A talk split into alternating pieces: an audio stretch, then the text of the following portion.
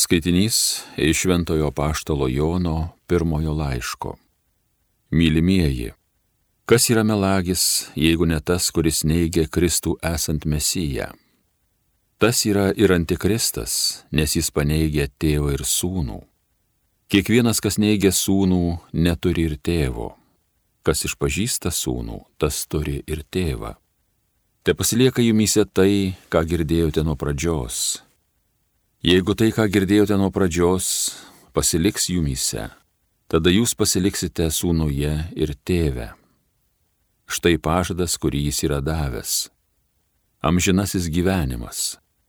Aš tai parašiau apie tuos, kurie norėtų jūs suklaidinti. Dėl jūsų patepimas, kurį iš jo esate gavę, jumyse lieka, ir nereikia, kad jūs kas nors mokytų, nes pats jo patepimas moko jūs visko, ir yra tiesa, o ne melas. Ir kaip jis jūs pamokė, taip ir laikykitės. Taigi dabar vaikeliai pasilikite jame, kad kai jis pasirodys, turėtumėte pasitikėjimą ir kai ateis, nereikėtų sugėda nuo jo pasitraukti. Tai Dievo žodis.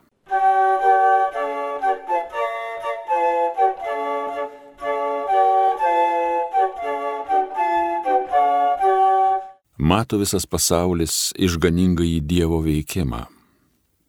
Naują giesmę gėdokite viešpačiui, nuostabius darbus jis daro. Jo dešinė visa gali, jo šventoji ranka pergalės skina. Mato visas pasaulis išganingą į Dievo veikimą. Savo išganimą viešpas apreiškė, jo teisingumas šviečia pagonims, atsimena savo gerumą, ištikimumą Izraelio šeimai žadėtą mato visas pasaulis išganingai Dievo veikimą.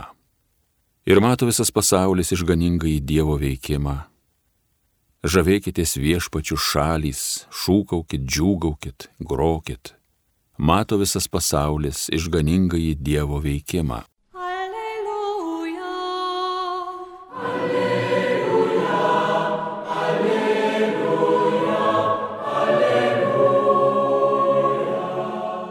Daugel kartų praeitie Dievas yra kalbėjęs mūsų protėviams per pranašus, o galiausiai šiomis dienomis jis prabilo į mus per sūnų. Alleluja.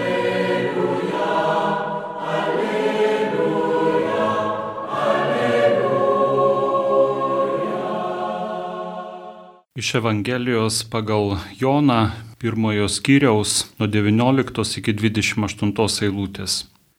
Toks buvo Jono liūdėjimas, kai žydai iš Jeruzalės atsiuntė pas jį kunigų ir levytų paklausti, kas tu esi. Jis prisipažino, aš nesu mesijas. Jie ir vėl klausė, tai kasgi tu? Gal Elijas? Jis atsakė, ne. Tai gal tu pranašas? Jis atsakė, ne. Tada jie tęsė, tai kasgi tu, kad mes galėtume duoti atsakymą tiems, kurie mus siuntė. Ką sakai apie save? Jis tarė, aš tyruose šaukiančiojo balsas, taisykite viešpačiui kelią, kaip yra kalbėjęs pranašas Izaijas. Atsiustieji buvo iš fariziejų, jie dar jį klausinėjo, tai kam tu krikštyji, jei nesi nei mesijas, nei Elijas, nei pranašas. Jonas jiems atsakė, aš krikštyju vandeniu, o tarp jūsų stovi tas, kurio jūs nepažįstate kuris po manęs ateis, jam aš nevertas atrišti kurpių dirželio. Tai atsitiko Betanijoje, anapus Jordano, kur Jonas krikštijo. Tai viešpaties žodis.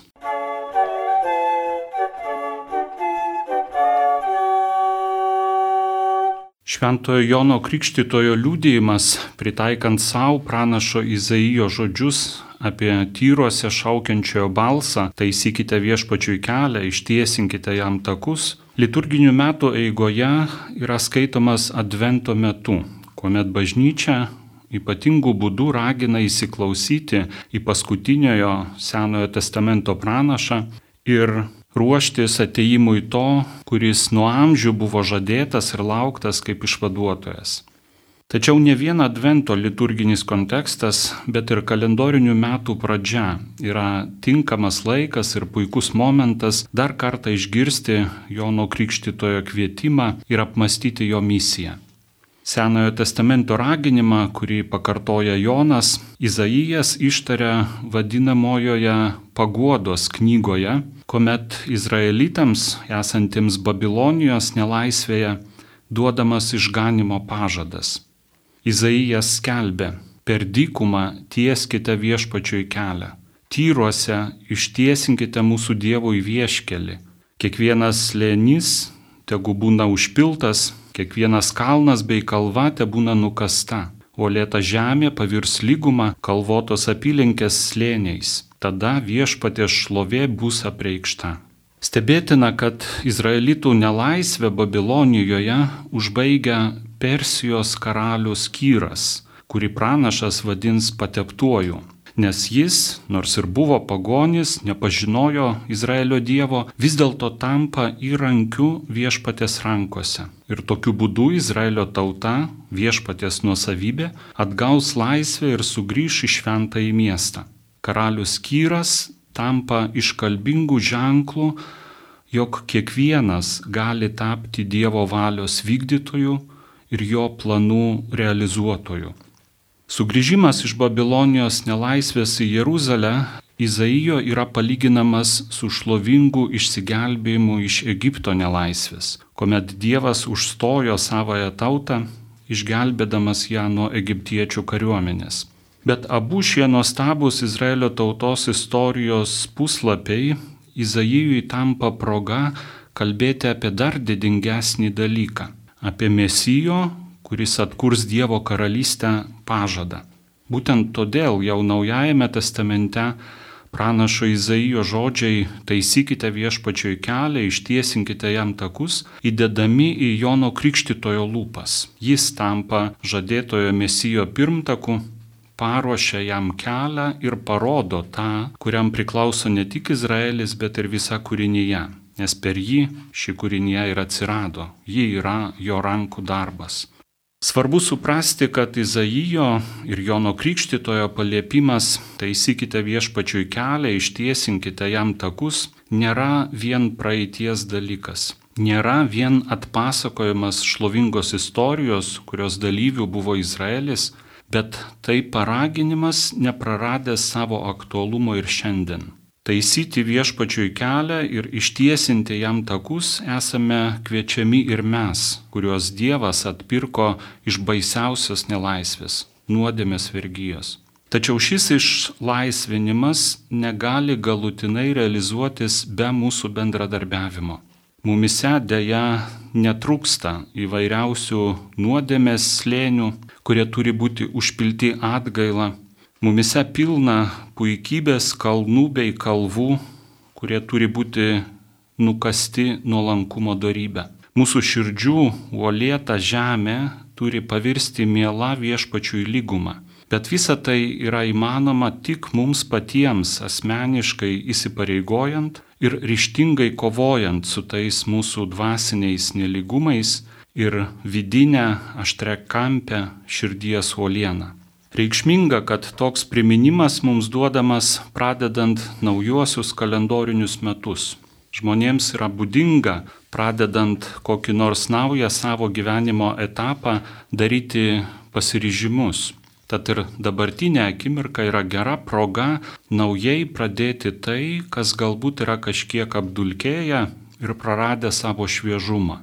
Nors pats Jonas Krikštytojas savęs pranašų nelaikė, į levitų klausimą gal tu pranašas atsako ne.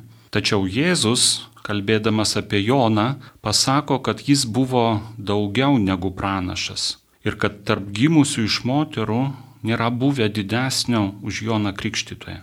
Jono Krikštytojo misijos didingumas glūdi tame, jog jis tapo mesijo pirmtaku, paruošė kelią tam, kuris turėjo ateiti ir išgelbėti savo tautą iš vergyjos. Jonas Krikštytojas nebuvo nei turtingas, nei išskirtinai išsilavinęs, nei galingas politinė prasme. Evangelijose skaitome, kad jis gyveno labai asketiškai, pasitenkino minimumu, o galiausiai jį nugalėjo šokanti Erodijados duktė. Tačiau jis turėjo tiek dvasinės išminties ir išvalgos, kad sugebėjo pats atpažinti ir kitiems parodyti tą, kurio rankoje telpa visa visata. Mūsų krikščioniškas pašaukimas yra analogiškas Jono Krikštitojo misijai. Jonas buvo Dievo siūstas, kad paruoštų kelią ateinančiam misijui. O Jėzus, pradėjęs savo viešąją veiklą, tokią pat misiją suteikė 72 mokiniam, kad jie eitų pirmą jo į visus miestus bei vietovės, kur jis pats ketino vykti. Būtent tokia užduotis yra skirta ir kiekvienam krikščioniui, nes kiekvienas įtikėjęs Jėzų tampa jo pasintiniu ir liudytoju. Žengdamas į dangų, Jėzus duoda savo mokiniams paliepimą. Eikite ir padarykite mano mokiniais visų tautų žmonės, krikštydami juos vardant tėvo ir sunaus ir šventosios dvasios, mokydami laikytis visko, ką tik esu jums įsakęs. Ir štai aš esu su jumis per visas dienas iki pasaulio pabaigos. Neapsigaukime, manydami, kad mūsų pastangos yra nereikšmingos, o mūsų kasdieniai pasirinkimai ir veiksmai turi mažai poveikio kitiems.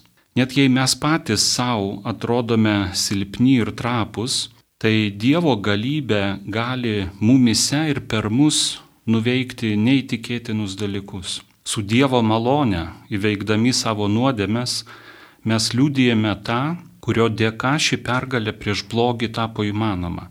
O praktikuodami darybės mes paruošėme kitų širdise kelią tam, kuris pats trokšta juose apsigyventi kad šiais prasidėjusiais naujais viešpatės metais būtume tinkamais įrankiais Dievo rankose ir gerais jo pasiuntiniais, nenustokime taisyti viešpačiui kelią ir tiesinti jam takus.